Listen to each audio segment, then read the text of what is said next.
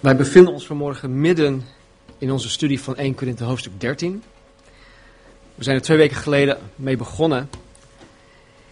En 1 Korinthe 13 is de weg die Paulus wijst, die ons aanwijst, die boven alles uitgaat. De weg. En deze weg, waar Paulus het over heeft, is de weg van de liefde van God. Het is niet de liefde die de wereld kent. Eros, Phileo of Storge. dat is lichamelijke liefde, MTV-liefde. Dat is het niet. Het is ook niet familieliefde. Het is ook niet vriendelijke liefde. Het gaat ver boven alle vormen van liefde die wij in de wereld kennen. Het is de liefde van God, agape. De aanwezigheid van deze liefde is volgens de Bijbel het bewijs dat men daadwerkelijk een christen is. Sorry hoor. Dus het is in ieders belang. Het is in ieders belang dat wij niet alleen te weten komen hoe deze liefde van God eruit ziet, maar dat wij in ons eigen hart ook op zoek gaan naar het bewijs van de aanwezigheid van deze liefde. Want als wij christen zijn, dan, dan moet dat tot uiting komen. De liefde is het bewijs. En dit was Paulus' bedoeling met de Corinthiërs. En het is Gods bedoeling met een ieder van ons vanmorgen. Dus zoals wij vorige week en de week daarvoor ook hebben gedaan, houd ik vanmorgen weer de spiegel van Gods woord, de spiegel van Gods wezen voor mezelf ten eerste, maar ook voor een ieder van jullie, om te zien hoe deze liefde eruit ziet en om te kijken, kom ik overeen met deze liefde? Is deze liefde te vinden in mij? In vers 4 tot en met 7 geeft Paulus ons 15 kenmerken van deze liefde. Het is technisch gezien um, geen omschrijving van de liefde. Het is meer een, een, een soort van uiteenzetting van hoe deze liefde tot uiting komt. Hoe het tot uiting komt in en door het leven van de christen. De woorden die Paulus hier gebruikt zijn werkwoorden. Het zijn geen bijvoeglijke naamwoorden. Vorige week hebben we gekeken naar de liefde is geduldig en hoe dat tot uiting komt. En we hebben gezien dat liefde is vriendelijk en hoe dat tot uiting kwam of komt, hoort te komen. Vanmorgen gaan we verder met de liefde is niet jaloers. Dus laat je, laten we onze Bijbels openslaan op 1 Korinthe hoofdstuk 13. Ik zal het nogmaals voorlezen. Al zou ik de talen van de mensen en van de engelen spreken, maar ik had de liefde niet, dan zou ik klinkend koper of een schallende symbaal zijn geworden. Al zou ik de gave van de profetie hebben en alle geheimenissen weten en alle kennis bezitten, al zou ik al het geloof hebben om bergen te verzetten, maar ik had de liefde niet, dan was ik niets. Al zou ik al mijn bezittingen uitdelen tot levensonderhoud van arme mensen, en al zou ik mijn lichaam overgeven om verbrand te worden, maar ik had de liefde niet, het baatte mij niets.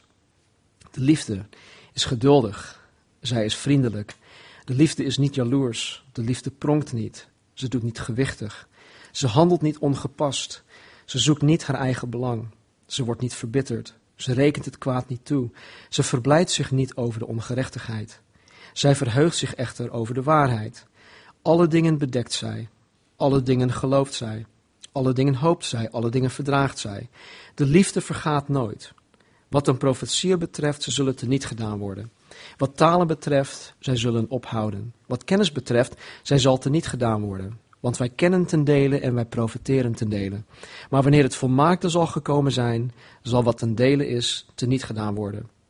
Toen ik een kind was, sprak ik als een kind, dacht ik als een kind, overlegde ik als een kind. Maar nu ik een man ben geworden, heb ik het kinderlijke niet gedaan. Nu immers kijken wij door middel van een spiegel in een raadsel. Maar dan, zullen wij zien van aangezicht tot aangezicht. Nu ken ik ten dele, maar dan zal ik kennen zoals ik ook gekend ben. En nu blijft geloof, hoop, liefde, deze drie. De meeste van deze echter is de liefde. Tot zover. In vers 4 staan een aantal van deze uitingen. en we pakken het op bij de derde. De liefde is niet jaloers heb het Grieks woordje opgezocht. Dat is heel moeilijk uit te spreken, maar het is geloof ik uh, iets van zeloo. zeloo. Het is een werkwoord. En het betekent in de negatieve zin hartstochtelijk verontwaardigd zijn. Hartstochtelijk verontwaardigd zijn. Het betekent ook afgunstig of jaloers zijn. Afgunstig of jaloers. De liefde is niet jaloers, staat hier. Dus de liefde is niet hartstochtelijk verontwaardigd en de liefde is ook niet afgunstig of jaloers. Er zijn in principe twee vormen van jaloezie. Eén vorm zegt, ik wil hebben wat de ander heeft. Oh, wat wil ik graag hebben wat de ander heeft. mijn buurman heeft die mooie vette BMW M5 en oh man, die wil ik zo graag hebben. En waarom heeft hij hem en waarom ik niet? Of waarom krijgt mijn collega wel erkenning en ik niet? Of waarom krijgt mijn collega die, die, die leuke functie? Waarom heb ik geen promotie gekregen? Ik ben, al, ik ben er al tien jaar, hij is er pas twee jaar. Of waarom krijgt hij opslag en waarom ik niet? Dus iets willen hebben wat, wat jij niet hebt. Deze vorm van jaloezie, jaloezie sorry, is al erg genoeg. Maar er is nog een tweede vorm. Sorry. Ik heb vanmorgen um, havermout gegeten. Heel fout. er is een tweede vorm van jaloezie. En de tweede vorm, vorm van jaloezie zegt: Ik wil dat hij niet heeft wat hij heeft. Of ik wil, ik wil niet dat hij bezit wat hij bezit. Het is meer dan alleen egoïstisch. Het gunt de ander niet het goede dat hij of zij heeft. En dit is jaloezie op zijn meest corrupt en verwoestend niveau. En dit is de vorm van jaloezie die koning Salomo had ontdekt. Jullie kennen het verhaal misschien. Uh, de vrouw die zichzelf voordeed als de moeder van het levend kindje.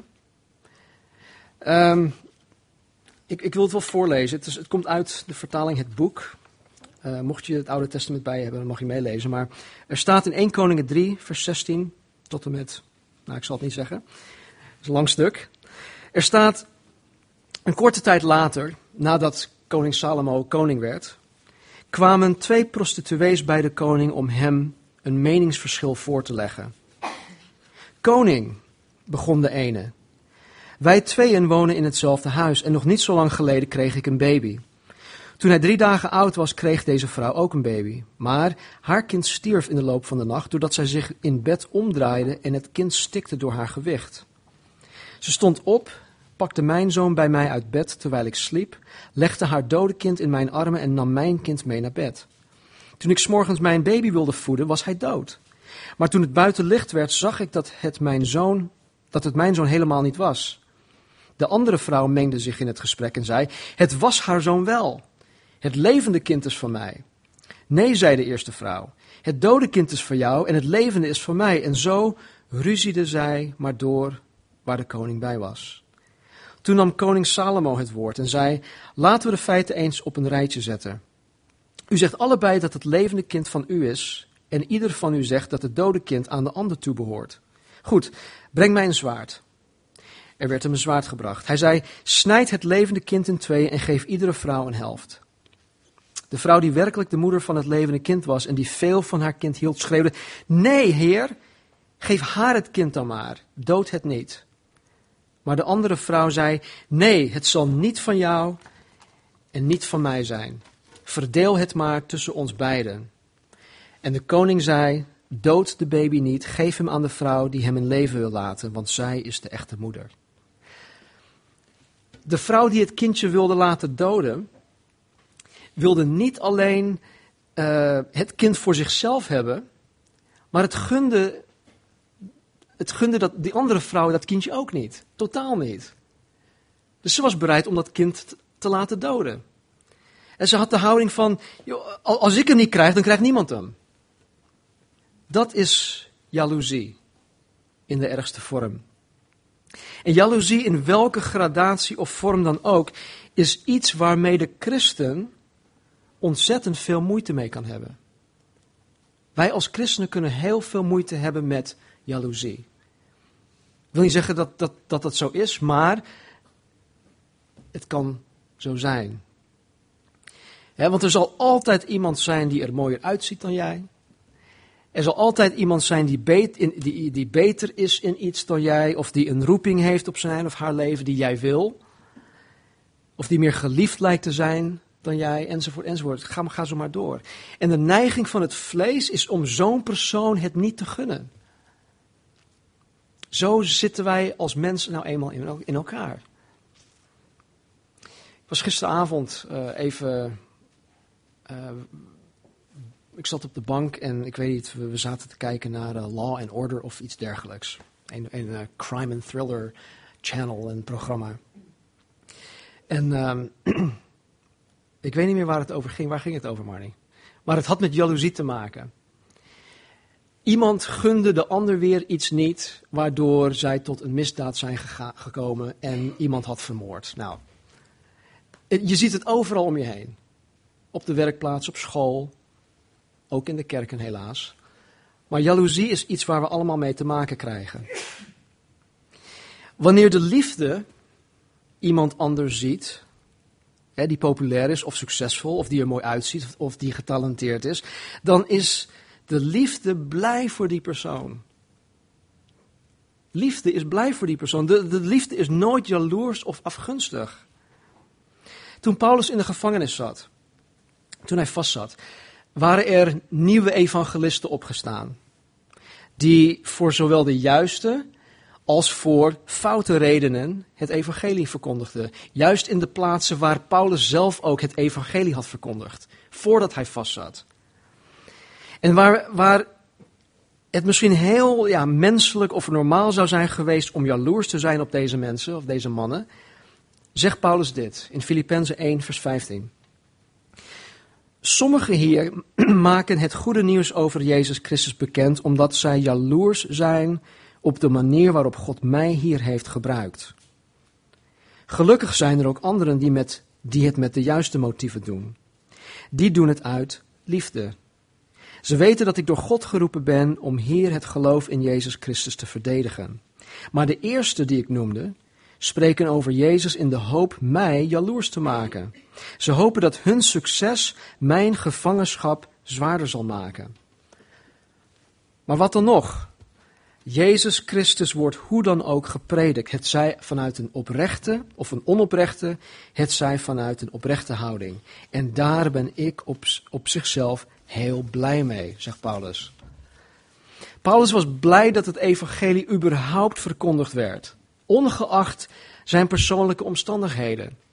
Het maakte voor hem helemaal niets uit dat hij in de gevangenis zat, dat hij niet kon doen wat zij wel deden en dat zij zelfs uh, de, de verkeerde motieven hadden om het evangelie te prediken, om, het, om, het, om zijn leven nog, nog moeilijker te maken.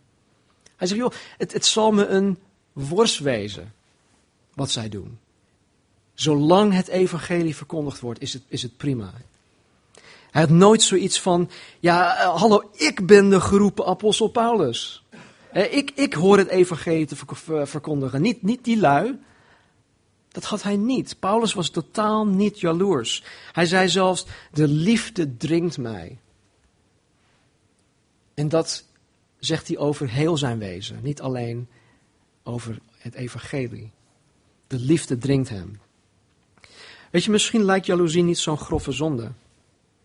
Want ja, iedereen is wel eens jaloers, toch? Man is jaloers, omdat zijn vrouw te veel tijd besteedt aan crafting.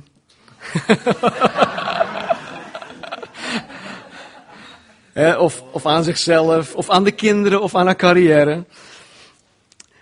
vrouw is jaloers, omdat de man te veel tijd besteedt achter zijn laptop. Of aan zijn werk of zijn hobby's, omdat hij wel sociale contacten heeft en zijn vrouw niet. Kind is jaloers op broer of zus, omdat hij of zij meer aandacht en gunsten lijkt te krijgen van papa en mama. Meisje is jaloers op een ander meisje omdat die mooier is. Of omdat ze wel de Dolce en Gabbana uh, tas heeft en, en de ander weer niet. Of, dat, of omdat ze meer aandacht van jongens krijgt, enzovoort, enzovoort. Het gaat door. En deze dingen behoren tot het dagelijks leven. Dus zo erg kan het toch niet zijn? Nou, velen denken er zo over. Joh, het, is, ja, het, hoort bij het leven. Het is toch goed? We zijn toch mens? Maar is dat wel zo? Is het de, normaal, is het de normaalste zaak van de wereld? Is jaloers zijn de normaalste zaak van de wereld? Ja, van de wereld wel, maar van het lichaam van Christus niet. Wat zegt Gods woord hierover? Laten we kijken in de Bijbel naar een aantal voorbeelden van jaloezie en wat voor consequenties jaloezie heeft gehad. Ik uh, ga er vrij snel doorheen, dus um, je hoeft er niet heen en weer te bladeren. Um, helemaal terug naar het begin, Genesis. In Genesis 3 zien wij uh, hoe Eva, uh, toen Eva zondigde. Ik geloof dat jaloezie daarin een grote rol had gespeeld. Ze wilde zijn zoals God, ze wilde hebben wat God had. En ze wilde weten wat God wist. Nog andere factoren speelden daarin een rol, maar ik denk jaloezie ook. Even verderop in Genesis 4 zien wij dat Kain, hè, dat hij jaloers was op zijn broertje Abel en hem daardoor heeft vermoord. Kain heeft zijn broertje omwille van jaloezie vermoord. In Genesis 37 zien wij dat door jaloezie de broers van Jozef hem wilden vermoorden. En hem uiteindelijk voor twintig zilverstukken hadden verkocht als een slaaf. Ik vind het wel mooi hoe de Bijbel zichzelf ook bevestigt. In Handelingen 7, vers 9 haalt Stefanus dit verhaal aan.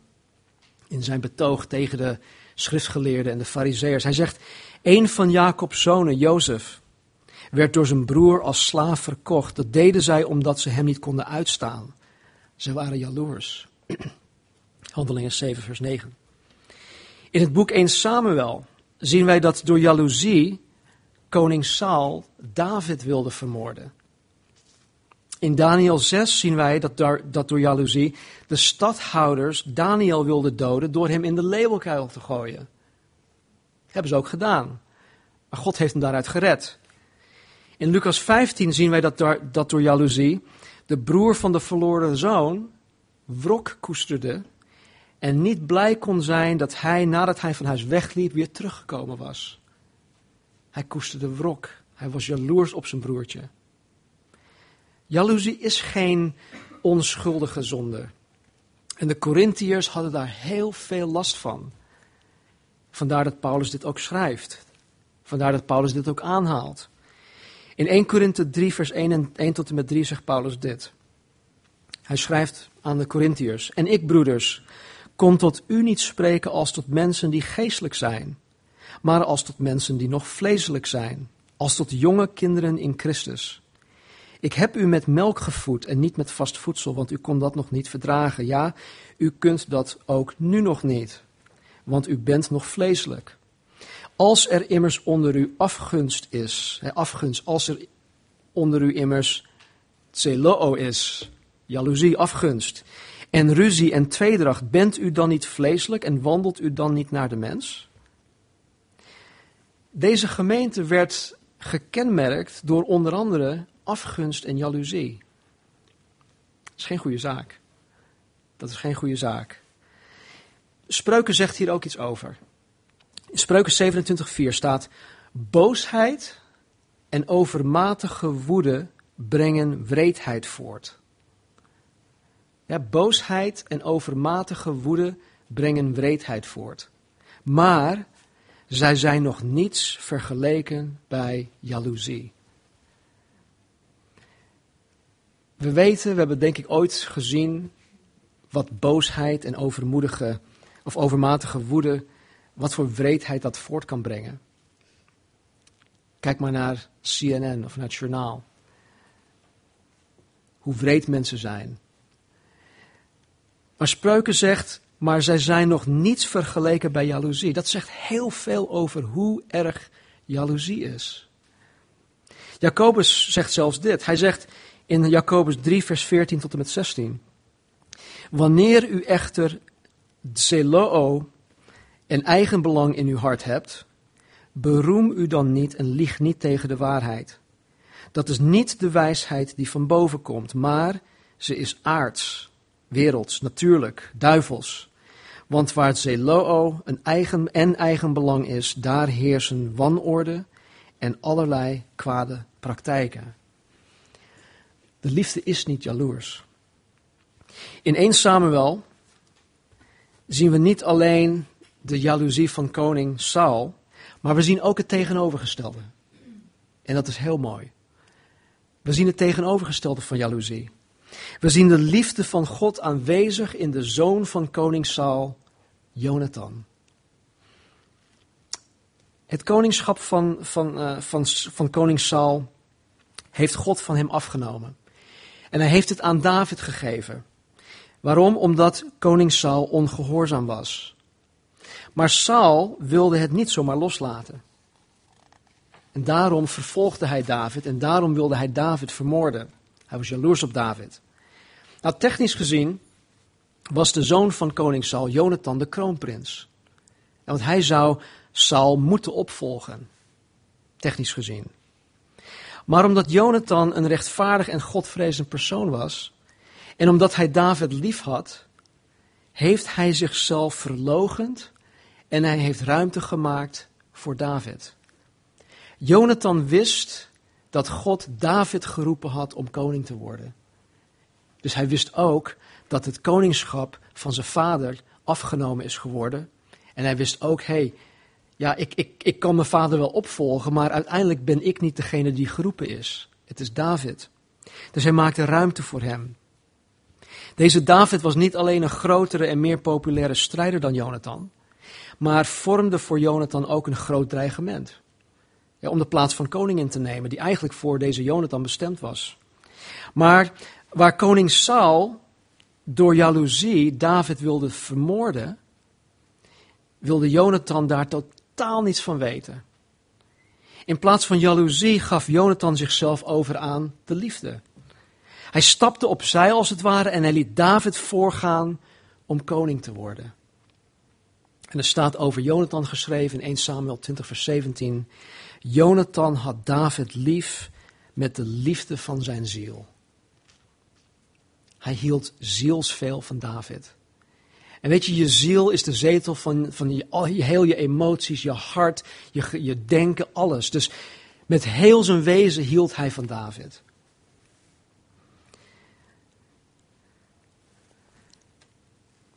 De liefde is niet jaloers.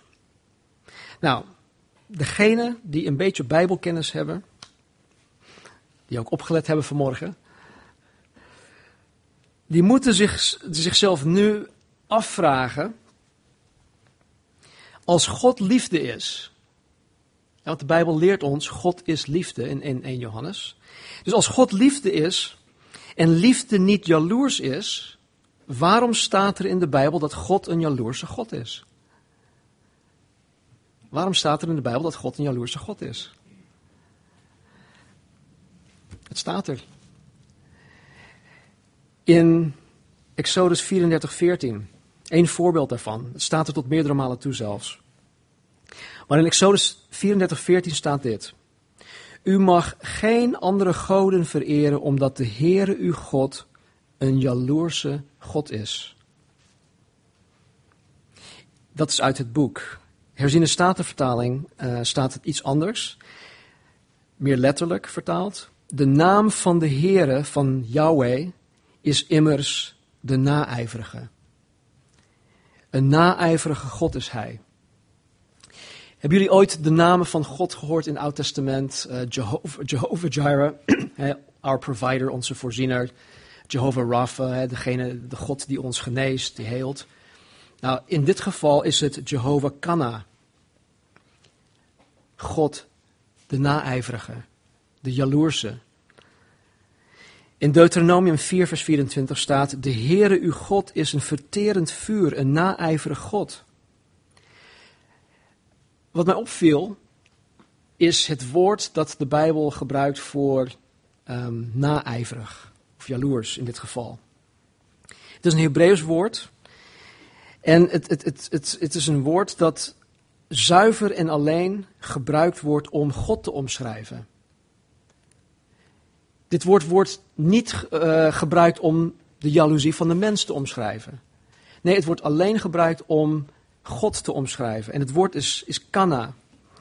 En het heeft te maken met het huwelijk tussen God en Israël. Het heeft te maken met een huwelijksrelatie. God wordt in het Oude Testament beschreven als de man, als de echtgenoot van Israël.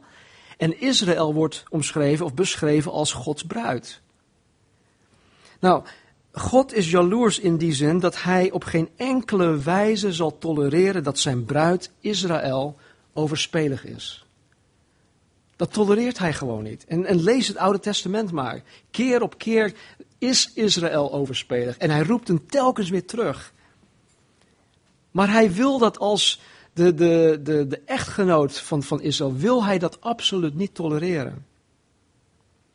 Omdat hij God is, heeft hij het recht om de hartstocht, de passie, de overgave, de toewijding, de lofprijs en de aanbidding van zijn kinderen geheel voor zichzelf op te eisen. Hij heeft het recht om het op te eisen van ons. En terecht. En elke keer wanneer zijn kinderen hun hartstocht, hun passie, hun aandacht, hun tijd, hun ijver aan iets anders geven, dan plegen zijn kinderen geestelijk overspel. Ze plegen geestelijke hoererij. En Israël maakte zichzelf daar keer op keer aan schuldig.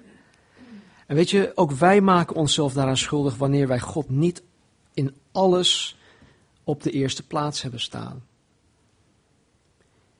Dus God is niet jaloers in die zin dat hij hebben wil wat een ander heeft of dat hij een ander iets niet gunt. Hij wil onze hartstocht. Hij wil onze liefde. Nou, waarom kan God dit überhaupt van zijn kinderen zomaar opeisen? Hoe durft hij? Waarom heeft God het recht op de liefde, de hartstocht, de toewijding, de, de, totale overgave van zijn kinderen? Ten eerste dit. Zonder hem zou ik zijn kind niet kunnen zijn.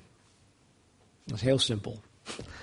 Zonder God de Vader zou ik zijn kind niet kunnen zijn. Ten tweede, omdat God tot het uiterste is gegaan om het mij mogelijk te maken om zijn kind te zijn.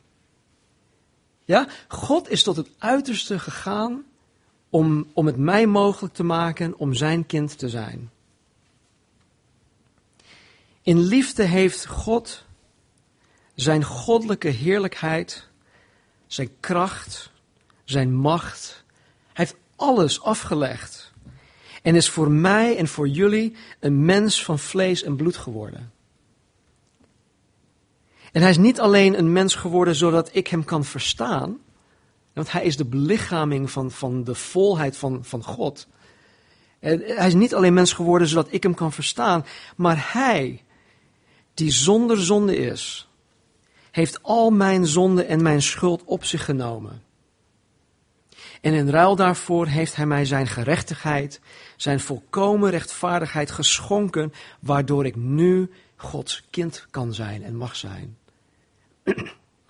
Dat is de beste deal van, van alle eeuwen, mensen. Wij geven onze schuld, onze zonde aan Hem. En Hij geeft ons daarvoor in ruil zijn volkomen rechtvaardigheid zodat God de Vader ons ziet door de bril van zijn zoon Jezus Christus. En hij ziet Stan Marinissen 100% rechtvaardig. 100% onschuldig.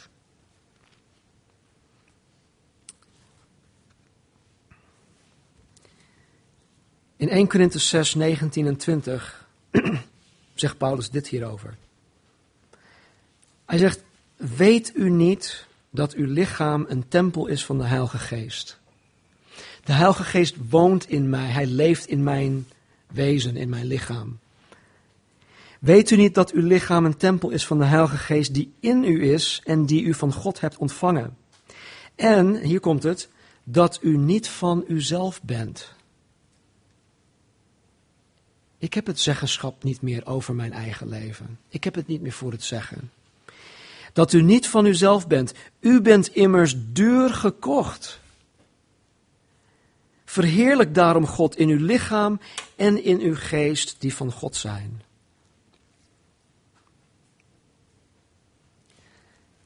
Als wedergeboren christen zijnde ben ik duur gekocht.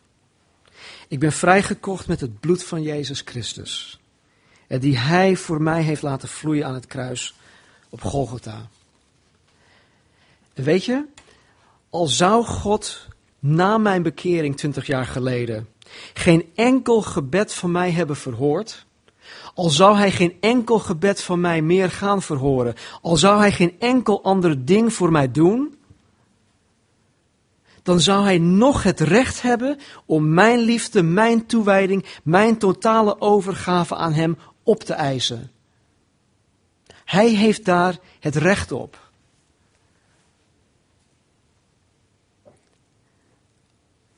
Wanneer wij aan het offer van Jezus denken, wanneer we denken aan het moment dat Jezus aan het kruis genageld werd en hij de zonde van de hele wereld op zich nam, hè, dat denken wij vooral aan Jezus, toch? Oh, halleluja. We denken aan Jezus. Als wij het verslag lezen, dan zien wij Jezus, de twee andere mannen die gekruisigd waren. We zien de, de discipelen die daar staan. We zien Maria, de moeder van Jezus. We zien de Romeinse soldaten. Enzovoort, enzovoort. Maar er was nog, er was nog iemand aanwezig. Er was nog iemand anders aanwezig. Er was een andere aanwezig die deze gruweldaad moest aanzien. Er was een vader aanwezig. Een vader die toekeek hoe zijn zoon totaal onterecht en op de meest verschrikkelijke manier geëxecuteerd werd. Een vader moest dat aanzien. Mensen, liefde is niet jaloers. Maar God is een jaloerse God. God wil je hartstocht. God wil je passie. Hij wil dat je gepassioneerd bent voor Hem. Hij wil je toewijding. Hij wil je liefde. Hij wil je totale overgave aan Hem. Hij heeft het recht erop. Als geen ander. Laten we bidden. Vader, ik dank u zo dat u zo ver bent gegaan, Heer, voor mij, voor ons.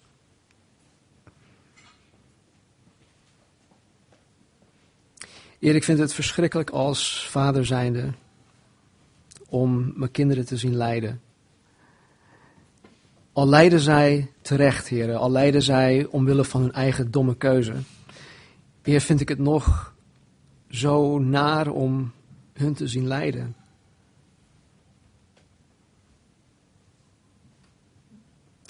Maar Heer, ik, ik, ik kan me echt niet voorstellen wat, wat u, Heer, uw Vader, wat er in u gebeurde. Hoeveel pijn u in uw hart had gekregen, Heer, om uw onschuldige zoon op deze meest gruwelijke wijze gemarteld zien worden. Heer, voor, voor een schepping die, die dag in en dag uit tegen u schopt, die u haat, Heer, die u verlogent. Heer, voor een kerk die, die zo onvolmaakt is. Heer, wat ging, er, wat ging er in u om, Heer? Wat,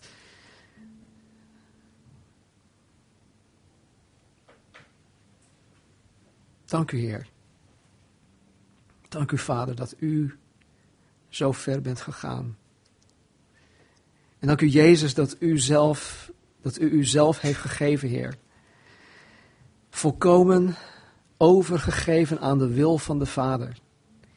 Heer, u bad zelfs in Gethsemane, Vader, als het mogelijk is, laat deze beker aan mij voorbij gaan. Met andere woorden, als het mogelijk is om, om de mensheid te redden van de zonde en de dood, laat het mij voorbij gaan. Maar niet mijn wil, uw wil, Vader, geschieden. Heer, dat, dat, dat, dat geeft aan dat er geen andere mogelijkheid is, Heer, om tot u te komen. Er is geen andere mogelijkheid om onze schuld, onze zonde, de dood, hier af te kunnen leggen. Wij kunnen dat niet. En Jezus, zoals u ook zei in Johannes 14, ik ben de weg, de waarheid en het leven. Niemand komt tot de Vader dan door mij. Heer, ook daarin gaf u aan dat u de enige weg bent. Heer, mensen van de wereld die, die denken dat alle wegen tot God leiden, tot u leiden. Alle godsdiensten, alle religies, Heer, maar u, u bent de enige die u zelf gegeven heeft voor de mens.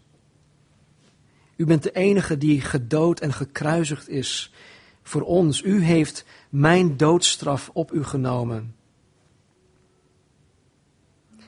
En u bent weer opgestaan uit de dood.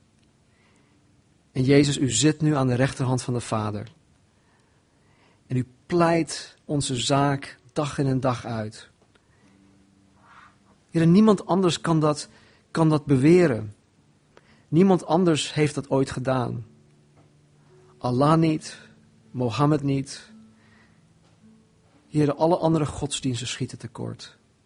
U bent de enige, de enige echte. En Heer, ik dank u zo dat wij vanmorgen daarbij ook stil mogen staan. Heer, dat wij ook mogen reflecteren, Heer, aan het volmaakt werk dat u aan God heeft gedaan. En dat wij ook, Heer, onszelf kunnen gaan onderzoeken, dat wij onszelf mogen onderzoeken. En Heer, laat ons dat alsjeblieft ook doen. Laat ons eerlijk zijn, Heer, met, elkaar, met, met, met onszelf. En Heer, schijn met uw licht in ons hart. Hier in de diepste, donkerste plekken, Heer, schijn uw licht. Heer, zodat we kunnen zien wat daadwerkelijk in ons hart leeft. En Heer, dat we kunnen beleiden dat we zonder u niets zijn. Dat we zonder u niets kunnen. Dat we zonder u niets hebben. Dus Heer, ik dank u dat liefde niet jaloers is. En ik dank u, Vader, dat u een jaloerse God bent. Heer, u en u alleen komt toe alle eer en hartstocht en passie en overgave en toewijding. En Heer, vanmorgen wanneer wij het heilig avondmaal nuttigen, Heer, bid ik dat u en ieder van ons Heere, zo zal aanraken dat wij niets anders dan dat alleen willen. Vergeef ons, Heere, waar we ja, tekort schieten. Vergeef het ons, Heer. Was ons witter dan de sneeuw met het bloed van Jezus. Help ons elkaar ook, Heere, te vergeven zoals U ons vergeven heeft. En Heere, help ons om vanaf dit moment hier voort te gaan. De kracht van uw liefde, in de kracht van uw geest. In gehoorzaamheid aan uw woord. Dank u wel, Heer. In Jezus' naam. Amen.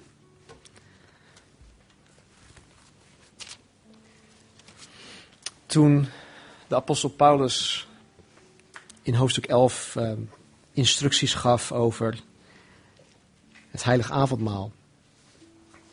En toen hij hun ook corrigeerde, want zij, ja, zij, zij waren daar erg liefdeloos in, zei hij dit. Hij zegt, ik heb van de Heere ontvangen wat ik u ook heb doorgegeven. Dat de Heer Jezus in de nacht waarin hij werd verraden brood nam. En nadat hij gedankt had, brak hij het en zei, neem, eet, dit is mijn lichaam dat voor u gebroken wordt. Doe dat tot mijn gedachtenis. Evenzo nam hij het nam hij na het gebruiken van de maaltijd ook de drinkbeker en zei: Deze drinkbeker is het nieuwe verbond in mijn bloed. Doe dat, zo dikwijls als u die drinkt, tot mijn gedachtenis.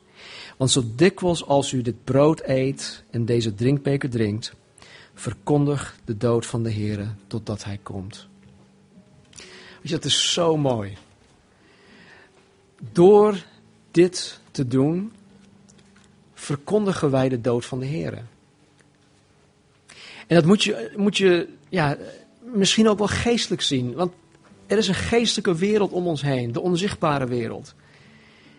En door het brood te nemen en, en, en de wijn of de vruchtensap te drinken, verklaren wij de dood van Jezus Christus, de overwinning over de Satan. En het is alsof wij een, een, een preek verklaren.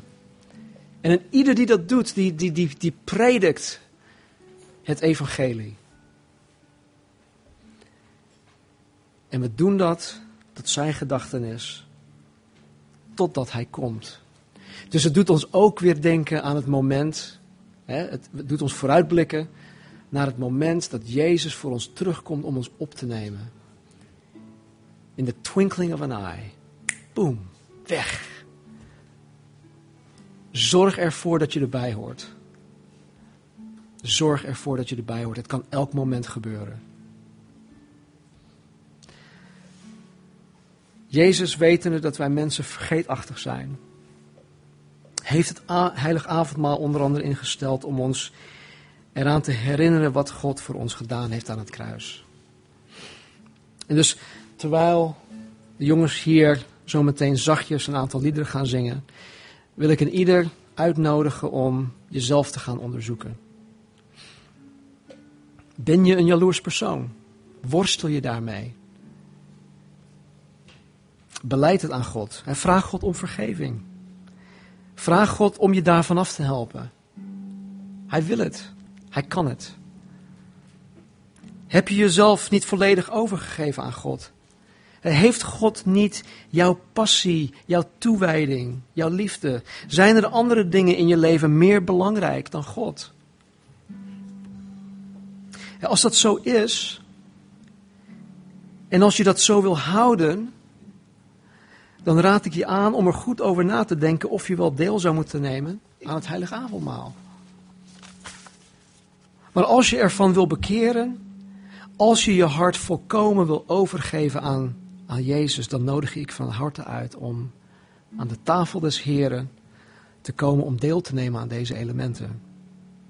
En weet je, het is puur tussen jou en God. Het is heel persoonlijk. Dus neem de tijd. Neem de tijd om de dingen die, op je, die op je hart hebt met God te bespreken. En wanneer je er klaar voor bent, kom en en neem deel. Of niet.